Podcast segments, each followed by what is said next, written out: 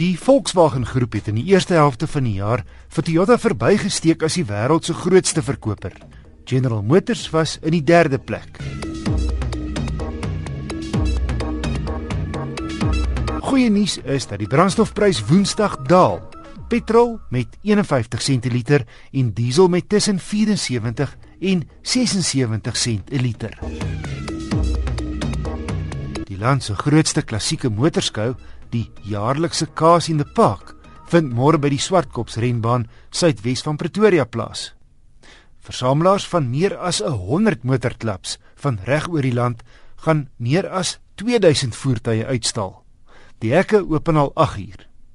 En gepraat van ou karre, Borgward, 'n gewilde Duitse voertuig in die 50er jare hier in Suid-Afrika wat in 1961 bankrot gespeel het, maak 'n terugkeer Christian Borgward, die kleinseun van die stigter Karl Borgward, laat die legendariese handelsmerk nou herleef in samewerking met die Chinese maatskappy Futon.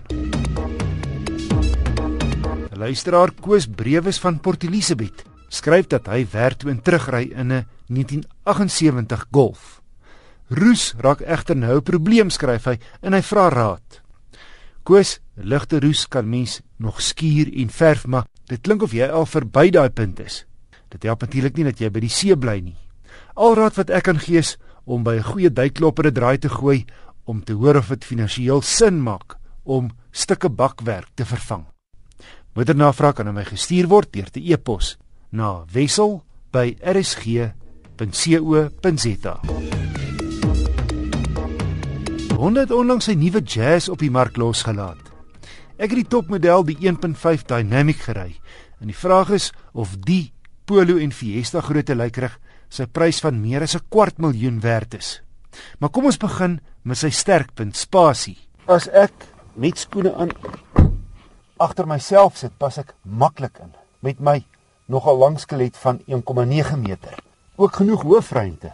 En dis wat die Jazz goed reg kry. Baie ruim binne terwyl sy hoogte terselfdertyd aan die buitekant goed weggesteek word.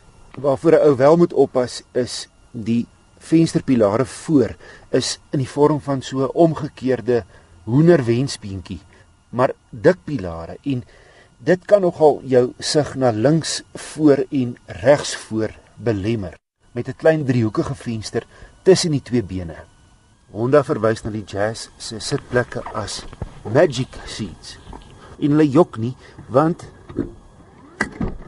in 'n japtrap slaan jy die sitplekke 1/3, 2/3 af. En die sitplekke kan ook 1/3, 2/3 opslaan, die sitvlak gedeeltes. As jy byvoorbeeld hoë goed agter die voorste sitplekke wil inlaai. Wat opval is hoe maklik hierdie bewegings plaasvind. En dan het hy 'n groot bagasieruim met 'n volgrootte alloy spaarwiel heel onderin Honde gebruik harde plastiekpanele in die kajuit wat so effe substandaard is. As jy hom vergelyk met die Polo en die Clio en die Kia Rio. Dis veral die Polo wat sagter materiale gebruik. So die aanvoelbare kwaliteit van die kajuit is so een trappie onder die voorste waans in die klas. Hierdie topmodel het so 'n lekker groot skerm waarop al die funksies van die klank tot die inligting vir jou weergegee word. Maar jy moet nog al 'n hele paar stappe uitvoer om by jou gunsteling radiostasie uit te kom. Dis nie so 'n maklike stelsel om te gebruik wanneer jy in die bestuur is nie, want jy met jou oë van die pad afval om te kyk wat aangaan.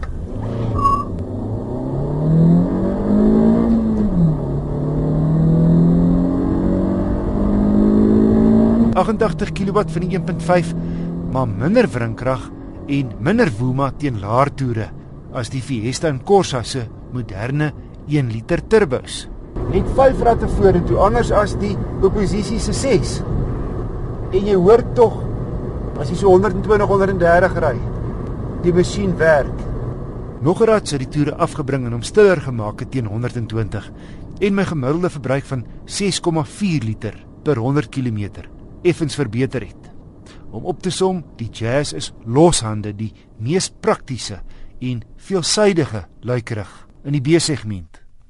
Hierdie Dynamic model het 'n rits veiligheidskenmerke en die meeste luksus, maar teen R257.300 kom die binneruim effe ouderwets voor. Verder, vir die tipe geld vir 'n klein lykrig, soek ek nog 'n paar dinge soos leer op die sitplekke, dagryligte en 'n sesderrad. Mazda het sy stylvolle CX-5 medium grootte sportnuts opgeknap en die aantal modelle na 6 uitgebrei. Die vlaggenskap is die 2.2 turbo diesel Acera met vierwielaandrywing. Met die inklimslag lyk dit asof die Mazda baie goed aan mekaar gesit is en alle kontroles en skakelaars netjies ontwerp. Die wielbasis is 'n ordentlike 2,7 meter wat volop beenspasie vir die insittendes beteken.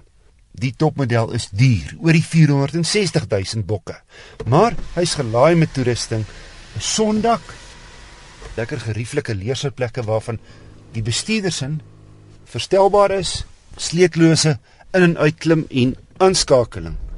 Onder meer word jy gewaarsku wanneer 'n voertuig agter of langs jou net te naby kom. En ook sensors voor drie sensors wat in samewerking met 'n trikamera werk. Ook talle ander luksus en veiligheidstriks. Een funksie sou jy oor 'n streep ry, 'n sperstreep. Dan is daar 'n hoorbare klank en vibrasie om jou te waarsku.